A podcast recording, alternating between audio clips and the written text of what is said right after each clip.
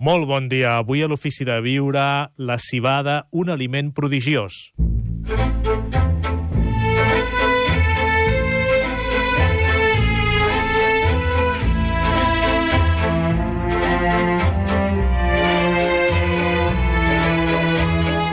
Gaspar Hernández, l'Ofici de Viure.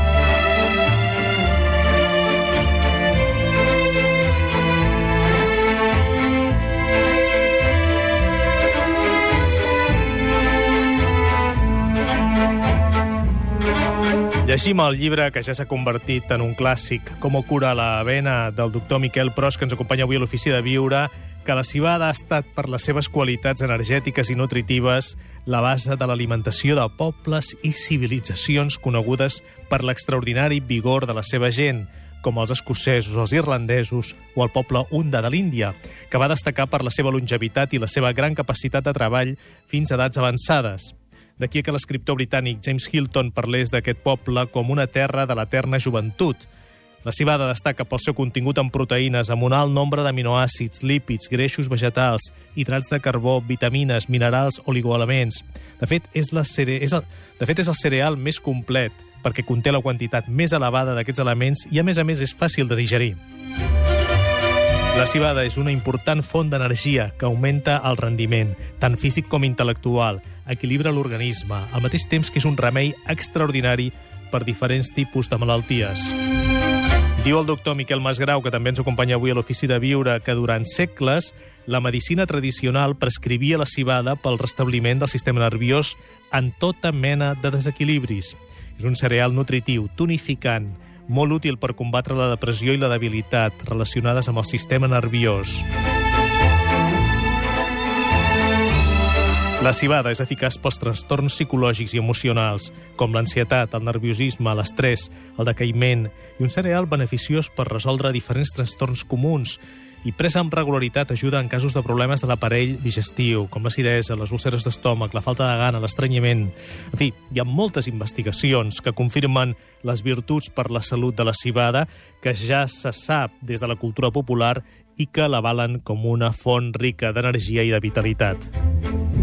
Llegim el llibre del doctor Pros que la cibada combat el cansament, dona vitalitat, torna les ganes de viure, ens proporciona un son reparador i per aquesta raó seria aconsellable consumir-ne cada dia, diu el doctor Pros. I per això ens hem atrevit a parlar de la cibada com un aliment prodigiós avui a l'Ofici de Viure. Refrany alemany. La cibada torna als homes de ferro.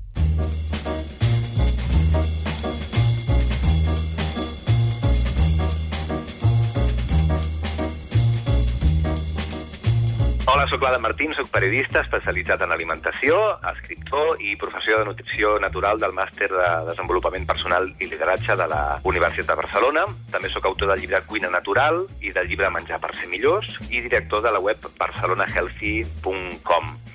Si us heu fixat, a la nostra dieta mengem molt pocs cereals i són cereals molt poc variats. Al final, si us fixeu, mengem blat en forma de pasta o de pa, arròs i eh, tot estirar. Algunes persones també incorporen blat de moro a la seva a la dieta i para de comptar. Això és el més habitual. I és una llàstima perquè ens perdem els beneficis d'altres cereals que són meravellosos, com per exemple la cibada. La cibada és un cereal que la principal propietat que té és que és molt energètica, molt nutritiva, que conté molts àcids grassos i molts aminoàcids, i si és ecològica encara millor perquè estarà sense pesticides i sense altres substàncies químiques de síntesi. També és molt interessant perquè quan pensem en minerals com el calci pensem sempre en productes com el formatge, com la llet. La cibada és molt rica en calci, i en ferro, però és interessant perquè conté molt silici, que és una substància que ens ajuda a renovar els ossos i, i el teixit connectiu, sobretot els músculs del cor. Per tant, va molt bé per la salut cardiovascular. També és molt rica a la cibada en beta-glucans, que és un tipus de fibra soluble, que ens ajuda a eliminar el colesterol dolent, que té substàncies que protegeixen els budells, que ens ajuda a dormir millor, que pot ser útil de vegades en casos d'infertilitat, de panxa inflada per mala alimentació, o també fins i tot per tractar la tensió alta, per això que ens ajuda també a regular millor el nostre sistema cardiovascular. Per menjar-lo, el més recomanable és comprar-lo en flocs. Són flocs integrals, s'afegeixen a les sopes, es poden coure una mica i fer-ne allò que els anglesos diuen un porridge, que és una mena de crema de cereals, unes farinetes, per entendre'ns, amb una mica de sal, i una mica de dolç, i així sortirem d'aquesta monodieta basada en tres cereals, incorporarem nous cereals a la dieta que ens aporten molts beneficis per la salut, però també pels sentits, que això de menjar no només és una cosa per la salut, sinó també per al nostre gaudi.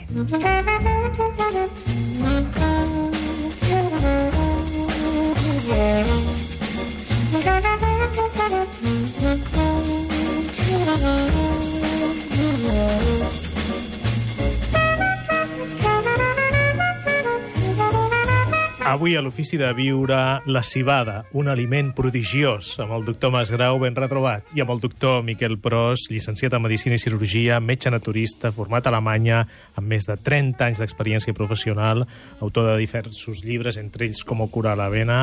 Doctor Pros, benvingut. Gràcies per venir a l'Ofici de Viure.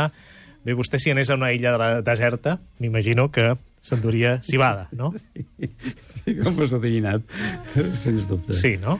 Sens dubte, perquè, eh, clar, si ho dius en una illa deserta, doncs, bueno, eh, potser tindríem accés al peix que podríem pescar, però, eh, esclar, i dius, i, i si resulta que no saps nedar, no? Llavors, la cibada és, eh, jo diria, un complement, bueno, no un complement, és un aliment quasi, quasi complet. És a dir, si en aquesta illa deserta tinguéssim una cabra, només munyint, és a dir, amb llet de cabra i la cibada, tindríem... Podríem viure? Sí? Totalment, sí, sí. Sí. Proteïna, proteïna completa. És a dir, Tant- tindríem tant- tot el que el cos necessita.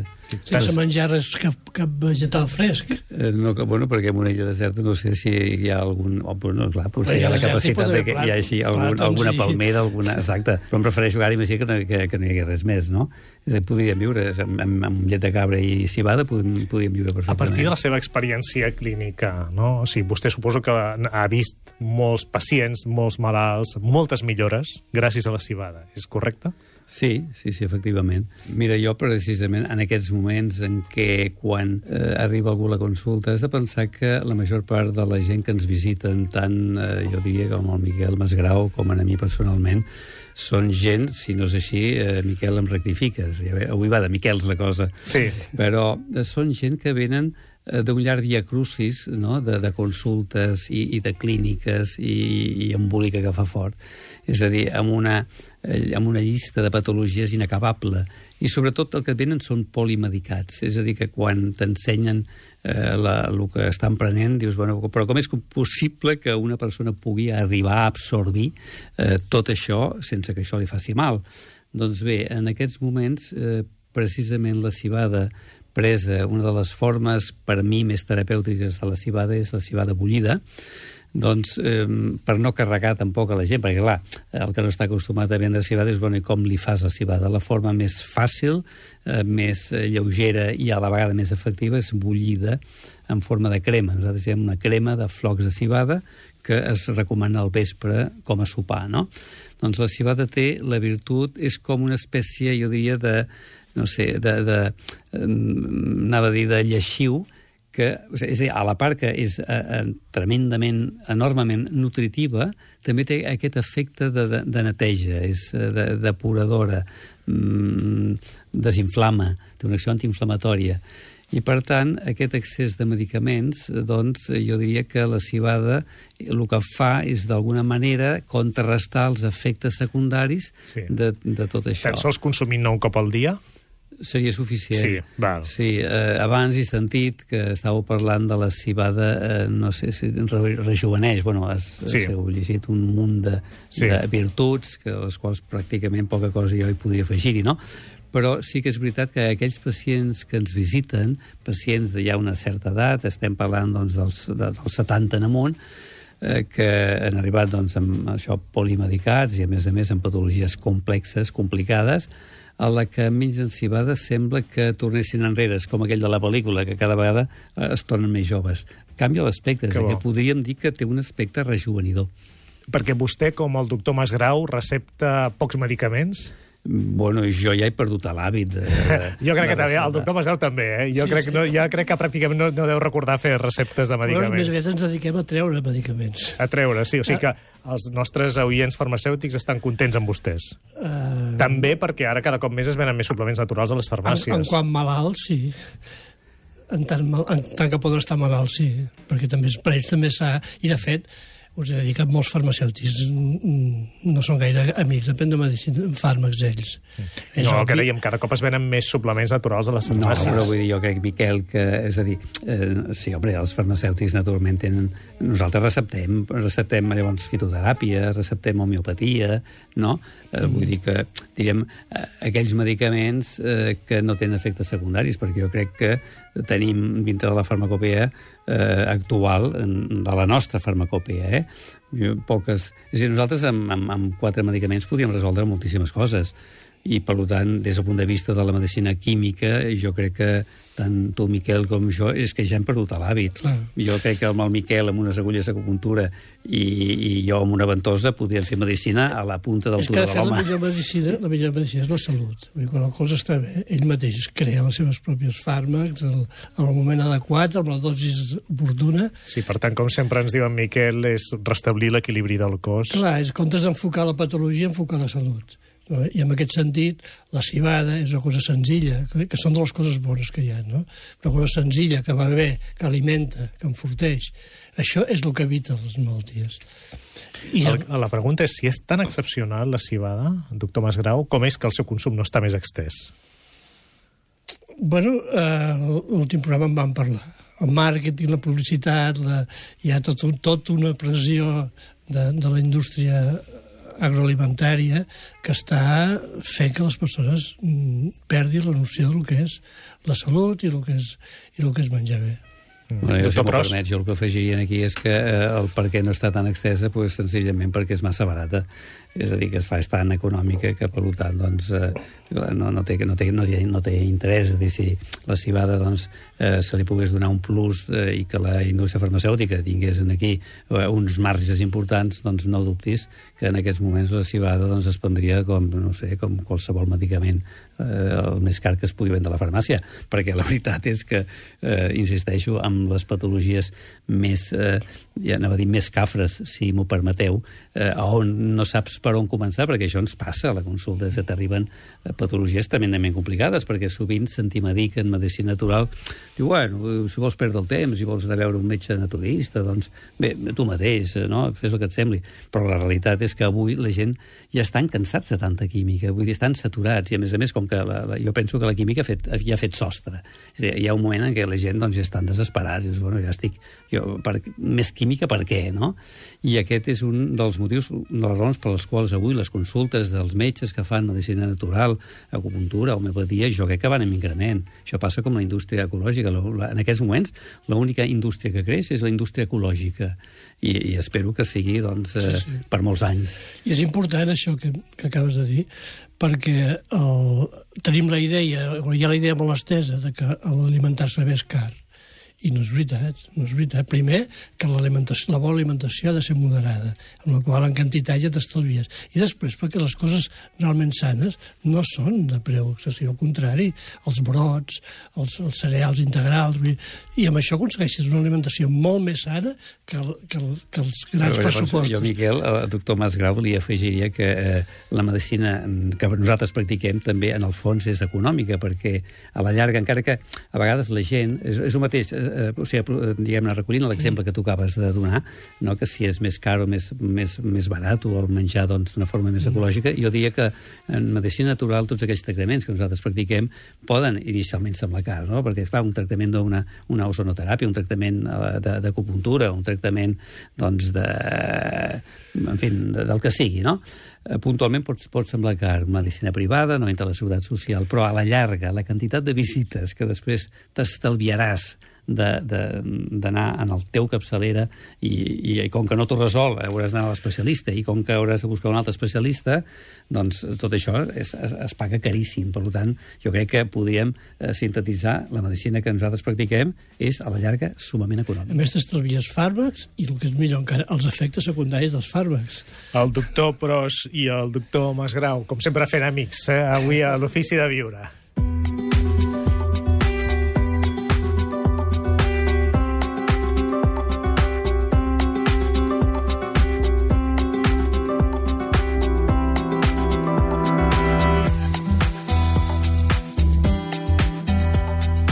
doctor Miquel Pros.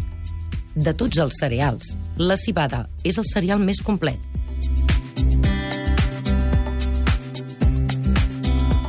Diu el nostre company Adam Martín que la crema de cibada és una excel·lent oportunitat per començar a posar ordre als apes i endreçar la nostra vida que s'hauria de començar, per exemple, per l'esmorzar. La crema de cibada és fàcil i còmoda de preparar, és bona de gust i els seus efectes energètics i reparadors es noten de seguida. També es parlava, efectivament, dels flocs de cibada. Podem donar altres, altres formes, podem oferir altres formes, doctor Pros, de menjar la cibada? Sí, jo crec que ara l'Ada Martín es referia a aquesta crema matinal, l'esmorzar eh, probablement al porridge. El porridge seria la, la, la, la versió clàssica doncs, dels anglesos, el, el poble irlandès, que tradicionalment doncs, és l'esmorzar que, així com aquí ens clavem un bocata que no alimenta gens, doncs eh, aquesta gent pren la cibada. La, la, potser la forma més coneguda de menjar la cibada és en forma de musli. El famós musli que ara doncs, ja afortunadament es coneix, inclús el, el ven als supermercats, cosa que jo mai indicaria a ningú a buscar un, un musli en un supermercat, en tot cas que neixen en unes botigues especialitzades perquè la qualitat biològica del producte no té res a veure doncs la base del musli tradicionalment eh, és la cibada. El musli és un esmorzar que va néixer a Suïssa. Eh, hi ha un personatge que és una referència en el món de la dietètica moderna, que és el doctor Max Oscar Wittgerbener, eh, un metge eh, suís que va tindre una clínica eh, i, va, i ha estat una referència. Jo diria que és una persona que no se li ha fet, jo crec que no, no, no se l'ha tingut... Eh, potser massa present, no? però que és una referència per tots els que coneixem la, la medicina natural a fons, doncs eh, el musli va néixer a Suïssa, concretament a Zurich. Mm, aquesta és l'alternativa. Però aleshores hi ha dues possibilitats. O bé tu compres el musli que compres a la, en el comerç, o bé te'l prepares a casa. Però la base del musli és la cibada. Llavors és una barreja de flocs de cibada, amb, algun, eh, amb, amb una fruita fresca, una poma ratllada, eh, iogurt, i algun fruit sec. Aquest és un, un esmorzar excel·lent, un esmorzar que seria ideal doncs, per, sobretot pels nens. A Suïssa, Alemanya, centre Europa, eh, a l'hora d'esmorzar, les famílies eh, mengen musli. I, eh, clar, després hi ha molt, moltes altres maneres, però mm, abans em referia a la crema de cibada, que és la crema, és, des de la perspectiva mèdica, eh, i també des d'un punt de vista, naturalment, eh, gastronòmic. L quan jo a una persona li indico una cibada, a vegades, eh, quan no n'ha sentit a parlar mai, fan una cara així de, estranya, no? una mueca... Això pensi que fa un mes vam parlar amb el doctor Masgrau de les algues. O sigui, la mateixa sí. cara que amb les algues. No? Sí, sí. sí. Però, bueno, perquè són coses que, esclar, no estem habituats, no? Però, però, què passa? En el moment en què descobreixen el sabor de la cibada, t'asseguro que és espectacular. Llavors, la cibada, jo l'aconsello, eh, doncs, per exemple, agafar mig litre d'aigua, que és com fem la crema, eh, dos, tres cullerades soperes de flocs de cibada, eh, i llavors una verdura perquè una verdura eh, que... Eh, o sigui, per, perquè si, a mi m'agrada molt fer, i parlo de monodietes, és a dir, durant 3, 5, 7 dies, o 14, eh, a l'hora de sopar, només fer una crema de cibada. Llavors, per, eh, perquè cada dia sigui diferent, que tingui un color diferent, que tingui un sabor diferent, doncs avui fem amb tomàquet, demà fem amb, amb carbassó, demà passat eh, fem amb puerro, amb puerro té molt èxit, o amb ceba, o, o senzillament no posar-hi res, no? Però, clar, això, a l'hora de quan seus a taula, eh, ostres, des d'un punt de vista visual és molt atractiu. I el sabor de la cibada és algo que el primer dia eh, sembla és un, és un sabor estrany. El segon dia, ostres, tu, ja agrada més i el tercer dia enganxa. O sigui, jo puc assegurar que hi ha gent que, bueno, eh, eh, ara una altra, ara em ve a la memòria una fórmula, i no és una idea meva, això, això són els meus pacients, que eh, van a fer un cafè, i per exemple, doncs, allò amb les amigues, surten a mitja tarda a fer una, no, un cafè, una infusió.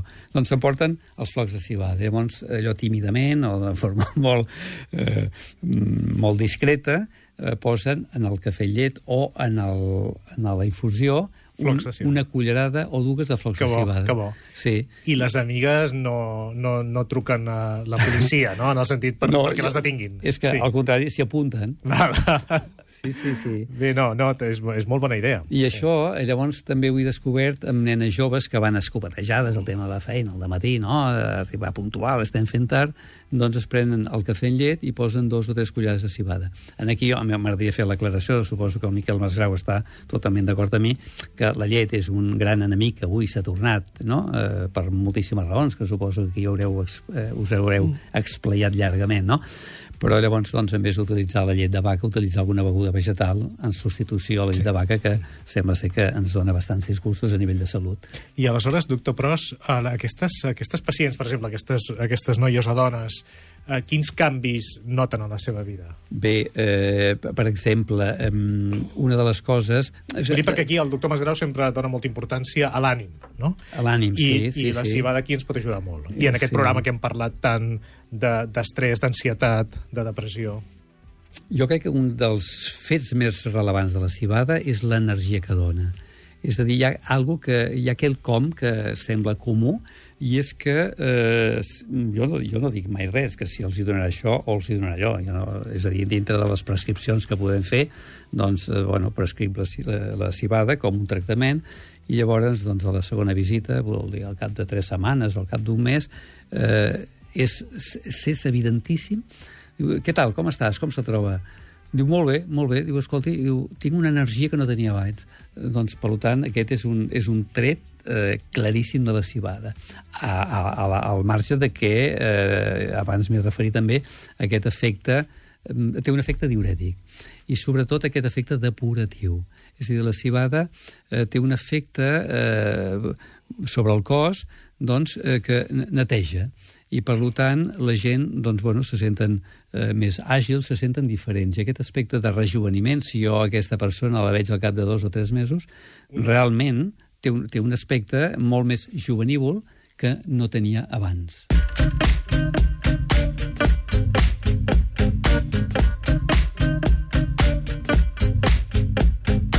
Doctor Pérez Calvo.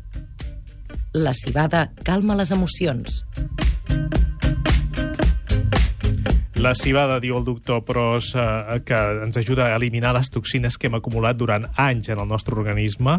Igualment resulta una ajuda per a aquelles persones amb càncer per afrontar, diu el doctor, des de dins la seva malaltia i el tractament que reben, estimulant la força curativa natural que tots tenim, és a dir, estimulant el sistema immunitari, augmentant la capacitat de reacció del fetge i de tots els altres òrgans dedicats a desintoxicar l'organisme dels excessos tòxics que ha anat acumulant.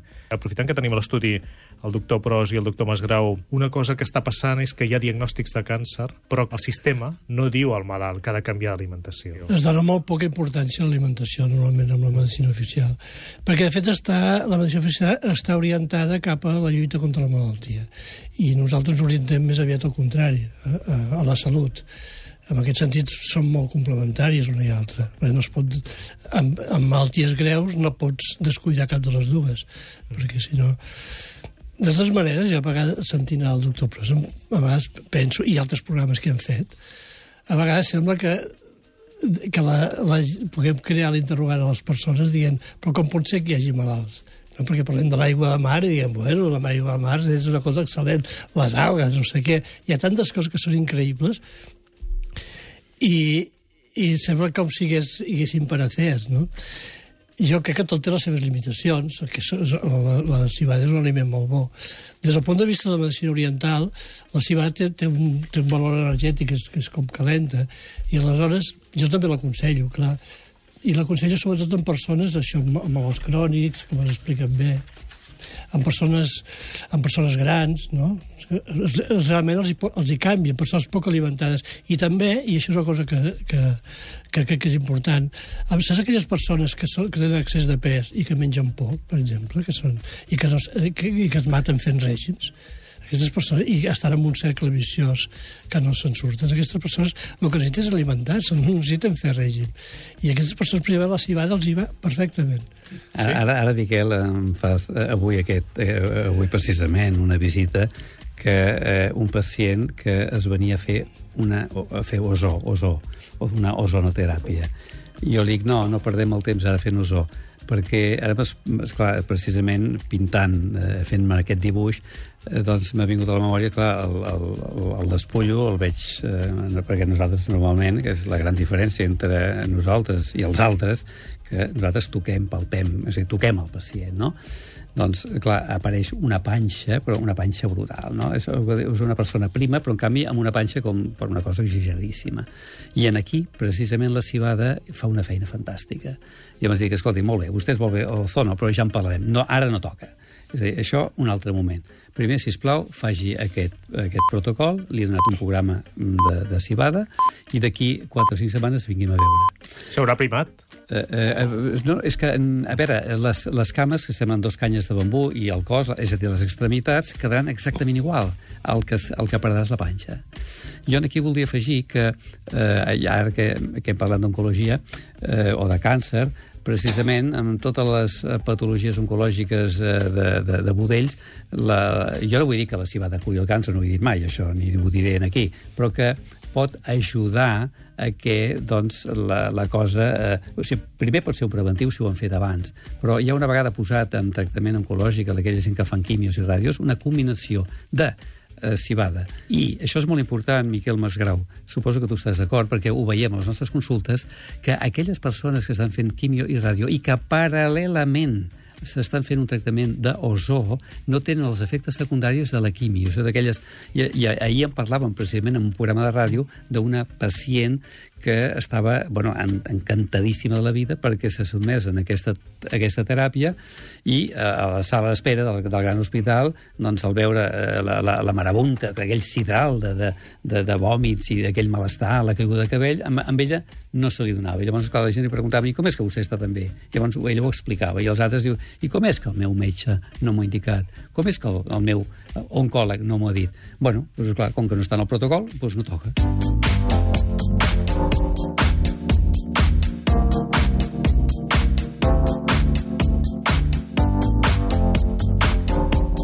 Dita popular russa. El que estira el cavall no és el cavall, sinó la cibada que menja.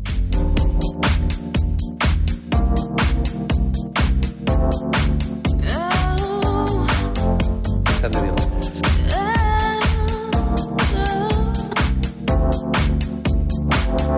Bé, per, per tant, per aprimar-nos i per reforçar el sistema immunològic, també la cibada. Eh? Naturalment. Sí, però i llavors això no vol dir menjar de tot eh, o qualsevol cosa.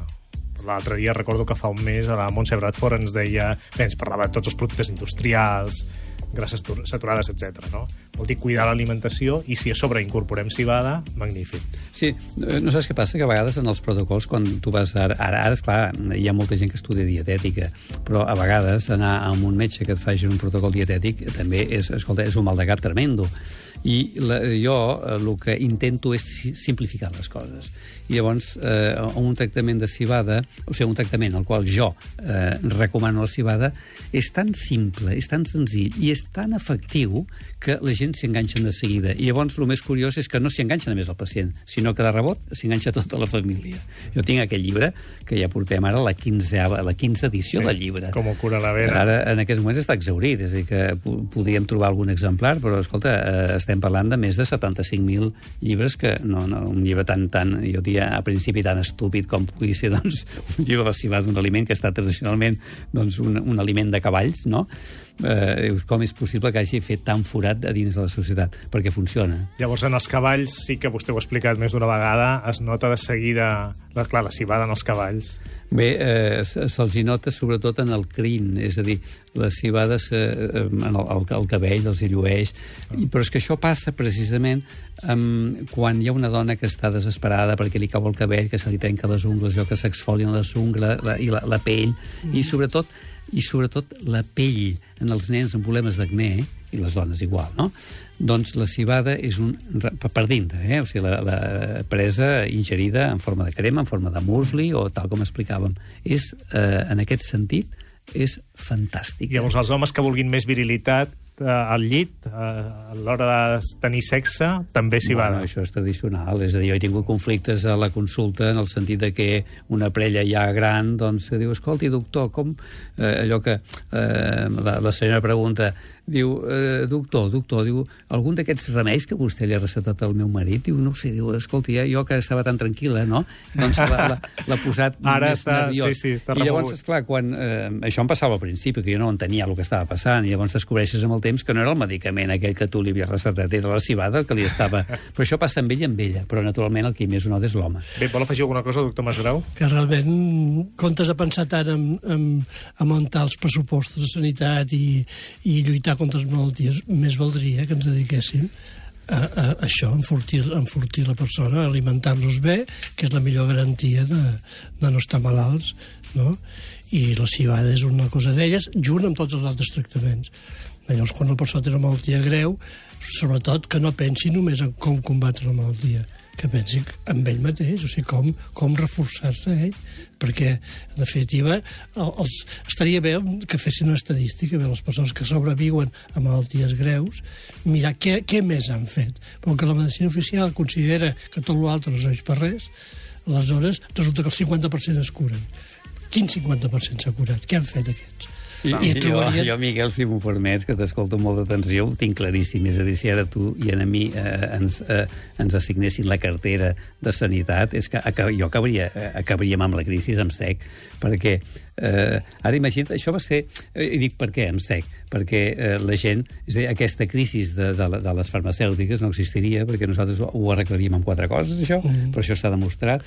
A la Segona Guerra Mundial, quan hi va haver un bloqueig a Dinamarca, hi va haver un, un metge eh, que precisament es deia com nosaltres, en Miquel Himhede, no? i això tothom ho pot veure, doncs ho, ho pot buscar en la biblioteca, eh, el, el van nomenar el, el, el, el responsable de sanitat. I llavors ell què va fer?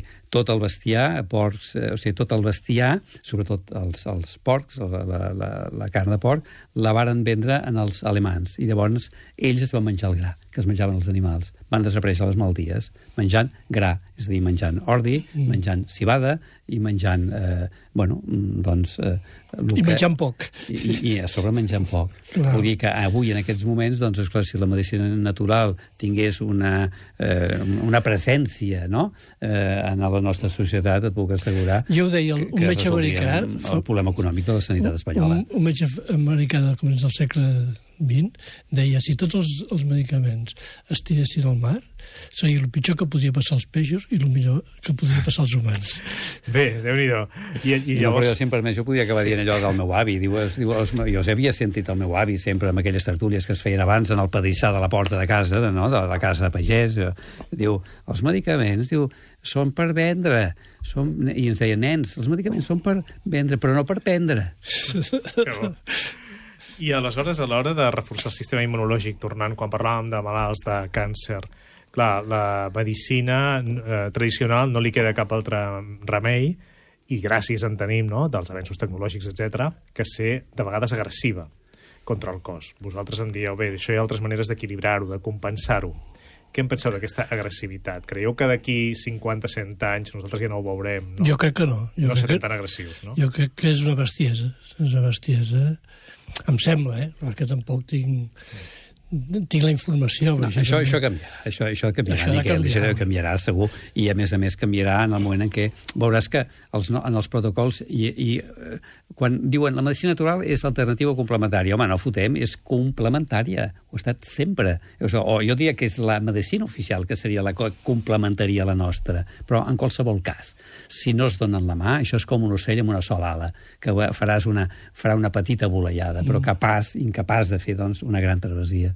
Per tant, aquí no, no hi ha més remei. És a dir, o ens donem, o anem eh, tots de la mà, o la medicina que fem és aquesta medicina eh, miserable, ridícula, i dic, i dic i parlo així perquè la majoria dels pacients venen rebotats, vull dir, tothom està ressentit, hi ha una espècie, és exactament la situació que passa avui en, en, en, amb la política, vull dir, tothom està cremat perquè ja no saben cap on orientar la gent, eh, estan desesperats, van de metge en metge, de clínica en clínica i, i cada vegada més fotuts, i aquesta és la realitat de la, de la, de la salut. L'opinió del doctor Miquel Pros, contundent també, com el doctor Masgrau, i això, però vostè quan va, per exemple, estudiar a Alemanya, Recordem que el doctor Pros és precisament llicenciat en Medicina i tot això a la carrera ho devia veure amb uns altres ulls. No? Bueno, jo vaig ser l'especialitat de la Medicina Natural allà, a Alemanya. Sí. Però i també ho va veure a Alemanya o, o ho veu més aquí? Bueno, o és un veure, mal és... generalitzat a Occident? A veure, jo diria que això també és un problema cultural, eh? I per tant, com que nosaltres estem on estem, és a dir, que dintre de, de l'escala, bueno, ja has de veure el, el tema del el, el tema cultural, el tema universitari, a quin nivell estem. Doncs, bueno, esclar, eh, en aquí això arribarà quan arribi. Jo penso que encara estem respecte a Alemanya a bastants anys de diferència. Sí? Oh, I tant. Sí, home, perquè ara tu mateix vols... Eh, ara el Miquel Masgrau fa una prescripció d'un dejuni amb un pacient seu, perquè ell considera que ho ha de fer, i eh, ja estigués a Berlín, o estiguéssim a Hamburg, o estiguéssim a Múnich, doncs aquell pacient ingressaria a l'hospital, a l'equivalent, és igual, diguem, al Sant Pau o al Clínic, on hi ha un departament de medicina natural, i allà aplicarien el que el doctor Masgrau o el que el doctor Pros han receptat, i, i punto pelota. I això està passant actualment. Per tant, eh, hi ha un congrés a Alemanya importantíssim. Eh, en una setmana a Baden-Baden eh, per allà passen de 5 a 7.000 metges. I, I pot ser un ginecòleg, un cardiòleg, eh, un internista, i ens assentem en una taula a sopar i parlem de, de tu a tu. En aquí, si ens assentem en una taula amb un internista, amb el Miquel Masgrau, amb mi o amb un reumatòleg, encara ens miren una mica eh, què fan aquests. Sí, cada cop això està canviant més, per això, perquè Afortunada, afortunadament, sí. però, no, però no per la medicina, és pels pacients. Clar, per la demanda. Clar, sí. perquè són els pacients els que realment ens han donat el prestigi que avui tenim. Això és gràcies a ells. I la feina ben feta, Miquel. Sí, sí, clar, clar. En aquest sentit, el que valdria la pena remarcar és que, com diu el doctor Pros, estem parlant de medicines complementàries. Clar, és l'exemple que posava abans amb aquesta dona, i no és una dona, vull dir, són moltes, que ara mateix vam fer un estudi amb un col·lega nostre, que és el doctor Santos, el, el, que està a Granollers, que ell es dedica molt a l'oncologia i que treballa molt amb l'ozó, i llavors eh, hem fet un treball amb diferents metges que hem, amb, amb, carcinom, amb càncers de mama, eh, operats i no operats, i eh, amb un treball amb ozó. I llavors, doncs, eh, 15 pacients de diferents consultes i el resultat és un resultat on es demostra l'efectivitat, per exemple, del tractament amb ozó. Per tant, què vull dir amb això? No estic dient que l'ozó curi el càncer, ojo, però és un complement per eh, ajudar a minimitzar els efectes de quimios i ràdios i, naturalment, donar una qualitat de vida en aquell pacient. Amb això és indiscutible. L'ozó millora la qualitat de vida.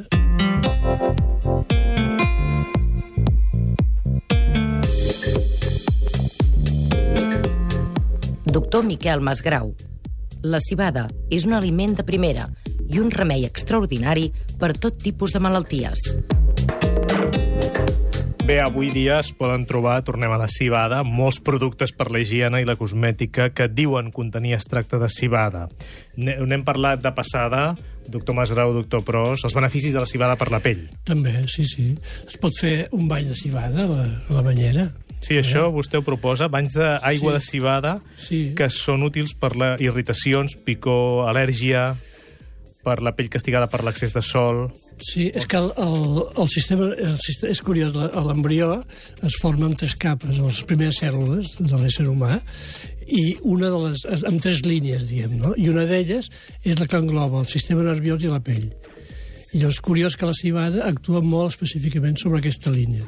Llavors, tot el que és els, els nervis, el, el sistema nerviós, el, la, la, la, tot el que és insomni, eh, ansietat, tot el que són... El que són, són el, abans eren el, nervis, sí, tot el que nervis, abans eren nervis. Sí. Els nervis i també la pell. O sigui, els dos responen molt bé als tractaments en cibada. I fins i tot a nivell local. O sigui, tu es pot fer una màscara de cibada, també, per exemple? També, també es pot fer. I són coses que són tan senzilles que, com ha dit el doctor Pro, són massa barates per, perquè mereixi l'atenció de Clar, aquí la, la indústria gent. cosmètica també...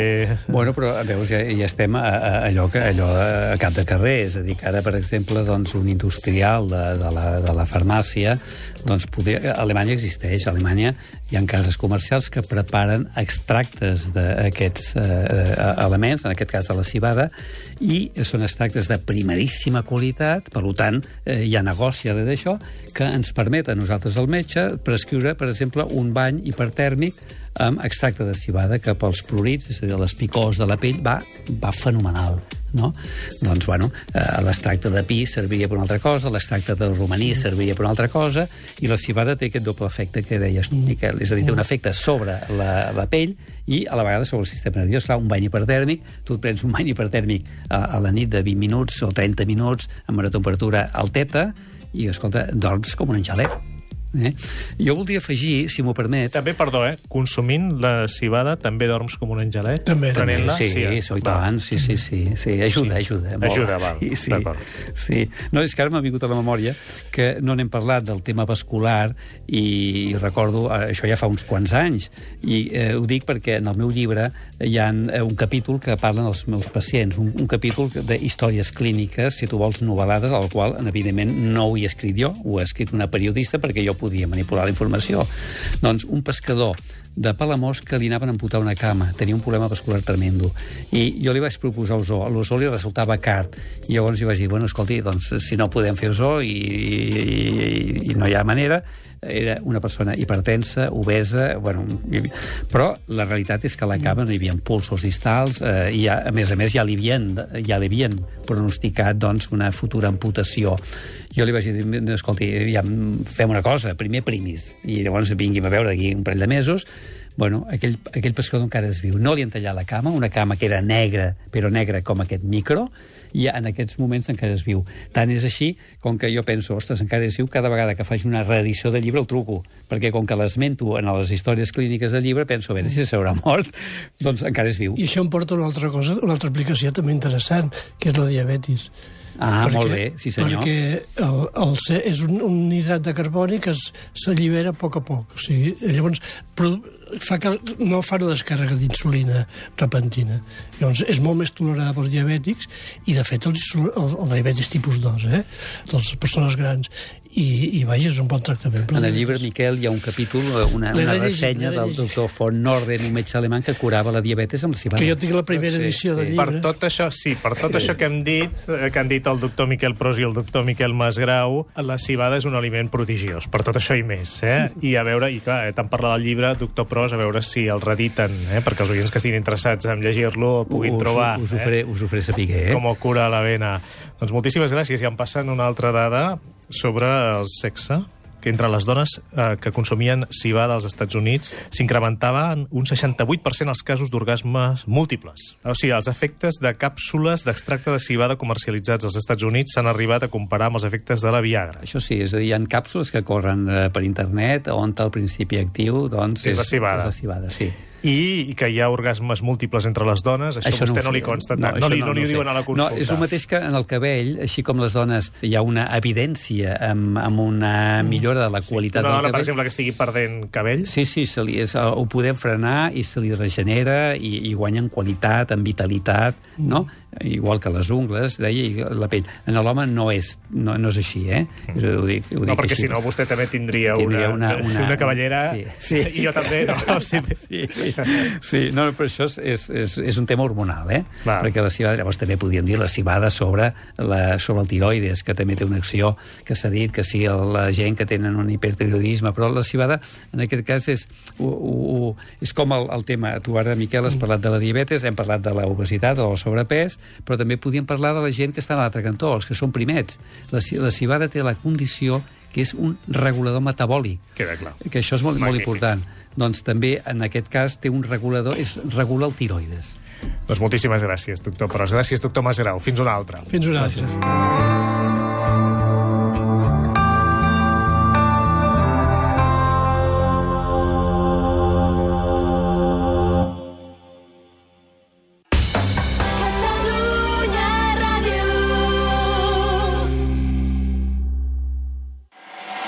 repte està a punt. Víctor Melero, Jo corro pel tot gira. Ignasi Serraïma, Jo subo la samarreta del Club de la Mitjanit. Mercè Morral, Jo, pel matí de Catalunya Ràdio. Sònia López, Jo, pel suplement. Guillem Pedrosa, Jo ho faré per la tribu.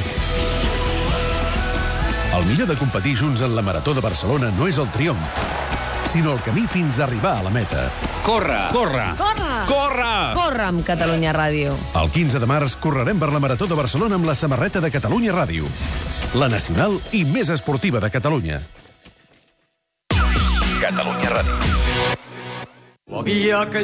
Dissabte a l'Ara dediquem un diari especial a Ovidi Montlló amb motiu del 20è aniversari de la seva mort. I a més, podràs aconseguir un nou recull amb les seves millors cançons. 20 anys de vacances, 20 cançons. Gaudeix com mai d'Ovidi Montlló. De dissabte a dimarts aconsegueix el disc per 9 euros amb 95. Només amb l'Ara, només al teu quiosc. El Club 3C ja fa 9 anys i per celebrar-ho hem organitzat concerts, funcions exclusives de teatre, maridatges de vins, rutes per descobrir teatres, obrim els museus a la nit, maratons de cinema i fins a 20 activitats. Perquè amb la cultura, fer anys és un plaer. Fes-te'n soci al web 3C.cat i participa a l'aniversari del 3C. El Club de Cultura. Diumenge, a 30 minuts, als videojocs. La seva indústria ja supera la del cinema i la música. El futur de la narració no és en el cine, sinó en els videojocs. Quin és el secret del seu èxit? Els videojocs, la seducció imparable. 30 minuts, a TV3, diumenge a la nit. Catalunya Ràdio. Adeu, comença el meu comiat. Dimarts 10 de març, el matí de Catalunya Ràdio celebra des del Casinet d'Hostafrancs la vida d'Ovidi Montlló i els 20 anys del Festival Bernassans. Un matí d'Ovidi i el seu llegat 20 anys després de la seva mort. Amb la presència de Jordi Tormo, Ticupi de la Serra, Jana Montlló i les actuacions de Feliu Ventura, Zo, Auxili, Batà i Arthur Caravan. I també amb l'humor dels minoristes. Contra mí se cantaba mejor. Le dedicaré una paella en la qual le tiraré arroz. Llàstima que feia les cançons massa curtes. Dimarts 10 de març, viu el matí de Catalunya Ràdio amb Mònica Terribas des del Casinet d'Hostafrancs. Ja se sent el caloret d'Ovidi! Si us agrada l'òpera i no podeu ser al Metropolitan de Nova York, heu d'escoltar Catalunya Música. Els dissabtes a la tarda, Catalunya Música us ofereix les millors propostes de la temporada de l'Òpera Metropolitana de Nova York. Aquest dissabte, a partir de les 7 del vespre, connectarem amb el Metropolitan de Nova York per escoltar l'òpera Carmen de Georges Bizet.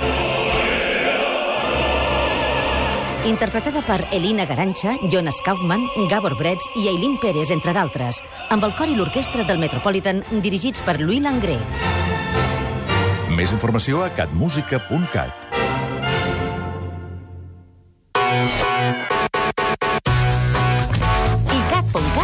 recomana. Jet Ballard actua a Terrassa. El prestigiós bateria nord-americà és un dels atractius del 34è Festival de Jazz de Terrassa. El trobareu aquest vespre a l'escenari de la Nova Xescava, acompanyat d'una formació de luxe.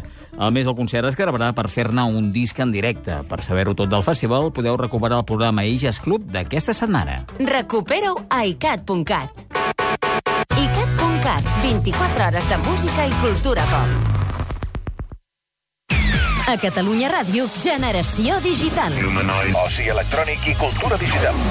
Aquesta setmana ens manca temps. Fem un resum exhaustiu del Congrés del Mòbil. Explicarem un concurs de futbol virtual del Tot Gira i us descobrirem una acció de 12 hores seguides entre Catalunya Ràdio i la Viquipèdia. Generació Digital. Aquest dissabte de 4 a 5 de la tarda. Amb Albert Murillo. Segueix-nos al Facebook i al Twitter del programa, a l'app de Catalunya Ràdio o a catradio.cat.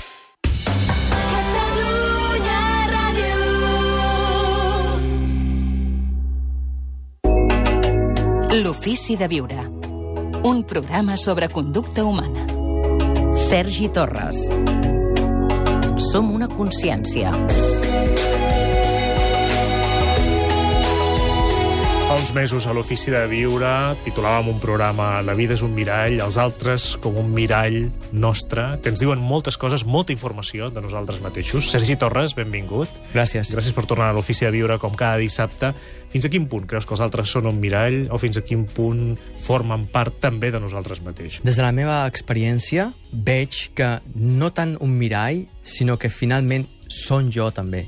Són una manera diferent d'expressar-se de mi mateix. És a dir, tots som la mateixa consciència expressada de diferents maneres. El titular sona contundent. De fet, és una de les qüestions que penso que és la base del conflicte de, de les persones actual, és no assumir aquest espai d'unitat. Ens costa molt assumir-ho o assolir-lo perquè ho intentem fer conceptualment, però l'experiència o la consciència d'unitat no és un concepte, és una experiència.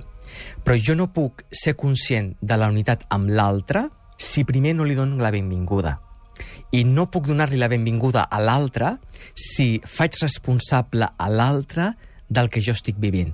És com, com, com un moviment de ball, és un, com un pas de ball. Si jo penso que l'altre és responsable del que jo sento, intentaré rebutjar-lo o intentaré aferrar-me a ell, però mantenint la distància. M'explico. Quan jo penso que el meu fill és el responsable de que jo em senti tan content de veure'l com es lleva pel matí, jo intentaré, d'alguna manera, m'enganxaré a aquesta experiència. Bé, intentaràs fer-lo content, també. Però per ell, no? Sí, però amb, amb, amb aquest gest, el, el que estic buscant inconscientment és mantenir-lo separat de mi. És a dir, si jo penso que el meu fill és qui genera aquesta felicitat en mi, no permetré que aquesta relació es fongui en unitat. Conceptualment és complicat. Quan jo veig que l'altre no és responsable del que jo estic sentint, en mi s'obre un espai intern, s'obre una consciència d'unitat. Aleshores, qualsevol persona amb la que em relaciono, sóc conscient de que m'estic relacionant amb mi mateix des de la perspectiva de l'altra persona. Per tant, sempre suma. L'experiència de l'altre sempre suma. I les relacions passen de cautela o de rebuig, l'aferrament a l'altre, passen a ser una experiència d'obertura i d'autoconeixement, de donar-li la benvinguda constantment a l'altre, inclús quan l'altre ens mostra emocions difícils de sentir o inclús difícils de pair. Sergi Torres, moltes gràcies. Dissabte continuem. Moltes gràcies. Gràcies. L'ofici de viure. Hola, sempre he sigut una persona molt abocada als altres. Tinc 32 anys, he participat en múltiples activitats humanitàries, formo part de dues ONGs... Això ha fet que no parés massa atenció a l'amor de parella, perquè al començament també és veritat que em semblava que aquest amor anava una mica en contra de l'amor en general. No sé si m'explico. Ara fa dos anys, però, vaig conèixer en una activitat que es va programar a Barcelona un noi dos anys més jove que jo, també molt activista i amb una filosofia de la vida que m'encanta. Ens vam caure bé, vam començar a quedar, jo visc a Manresa i ell a Badalona, quedàvem molt sovint a Barcelona i després, quan la nostra relació es va complicar una mica més, a casa de l'un o de l'altre, ell no té parella perquè diu que necessita la màxima llibertat, com jo, podríem dir, abans de conèixer-lo a ell. Al cap de molts mesos, eh, aquesta relació intermitent i sense gens de compromís, m'adono que no puc estar sense ell, que és l'home de la meva vida, voldria que fos així. Però ell m'ha dit moltes vegades que no anirà més enllà del que tenim. Una amistat molt bonica, un sexe fins fa poc superestimulant, una complicitat intel·lectual... M'agradaria molt que poguéssiu abordar aquesta situació que a mi em fa patir moltíssim. Moltes gràcies, Sara, des de Manresa. Gràcies, Sara. Gràcies, Joel Cervera. Benvinguda. Hola, gràcies, Jordi Llavina. Gràcies a tu per tenir-nos aquí. Què hi tens a dir, Jordi? Eh, Primer, que vull deixar molt clar que jo crec que no és incompatible l'amor a la humanitat a- a- a- a- amb l'amor a una persona en concret. Eh? Com sembla que dius, eh, fruit de, de, de la teva activitat en, en eh, humanitàries, amb ONGs i tot això, no és incompatible, al contrari, diria. Tinc la impressió que havies estat tan connectada al món, però, per mitjà d'aquesta teva vocació humanitària i potser també de la teva feina habitual, estaves tan íntimament connectada al món que potser sí que no havia esperat gaire o gens d'atenció al fet que també existia aquesta altra mena d'amor tan important i que ens trasbalsa tant. I, és clar, quan ha arribat, eh, ho ha fet com un vendaval. Tercera cosa, ell m'ha dit moltes vegades que no anirà més enllà del que tenim. Bé, que algú asseguri això no vol pas dir que necessàriament eh, ho hagi de complir. No necessàriament, però només el fet que ho reconegui, jo crec que ens hauria de, com ho diria, d'allunyar eh, de l'intent de, de voler, per dir-ho com les cançons, conquerir el seu cor. Només que ho reconegui d'aquesta manera tan clara, potser ens hem d'allunyar una mica. I quarta cosa, crec que hauries de tallar, crec, eh, la part emocional, el component de desig que hi ha en la vostra relació, perquè ara per ara, per mi, clarament I t'enverina. la pregunta és, i com es fa això? Eh? Com es fa, Joel Cervera? Estàs d'acord amb en Jordi Llavina? Mira, jo quan vaig, a, a, quan veig una posta de sol sento una bellesa infinita. Quan vaig a treballar i veig les muntanyes, el cel tan ben fet, no paro a preguntar-me quanta bellesa serà per a mi. I una vegada vaig anar a la platja amb una amiga i em deia, i no hi havia pensat mai, no diu, és nuestro, és nuestro, el mar és nuestro. Dic, quina tonteria, però és que és nostra, és nostra. O sigui, tanta bellesa, estàs ben feta, Sara, estàs ben feta. No es mereix ni una venjança cruel, no es mereix. Quan ens diuen que no, ens provoca tanta necessitat de poder complir aquell no, que és tan provocador el no, tan provocador, que no es mereix absolutament res. És que no perdis ni un segon de la teva vida i mira a la bellesa que hi ha en el món, obre't obre't a la vida, a tot el que t'està esperant i que t'estàs eh, quedant petita mirant aquesta cosa tan miserable. Ah, que bonic. Tot el que ens ha explicat la Joel Cervera Mm. seria molt aplicable a molts dels oients i moltes de les oients que ho estan passant malament per Mm, és així. problemes sentimentals. Jordi, obre't, també. Ho faré. Obre't. Obre't Obre vol el teu un- cor, obre ah, el teu meu cor. cor, eh? Sí. Un es pot obrir de moltes... D'acord. El meu cor, ho faré. Ho faré. És que és per nosaltres. Us prendré pel Tanta mot. bellesa, de veritat. Sí, sí, Contempla. sí. És una mica el sentit de la contemplació. És per mi. Sí, sí, sí, el sí, mar és meu. És per mi. És de tots. Sí, sí. És El- nostre. Com diria Vinyoli, el mar és ple, però jo em passo dies omplint-lo de mirada. Uau. Poeta, Llavina, moltes Hola. gràcies. Joel Cervera. Gràcies als oients també. Una forta abraçada.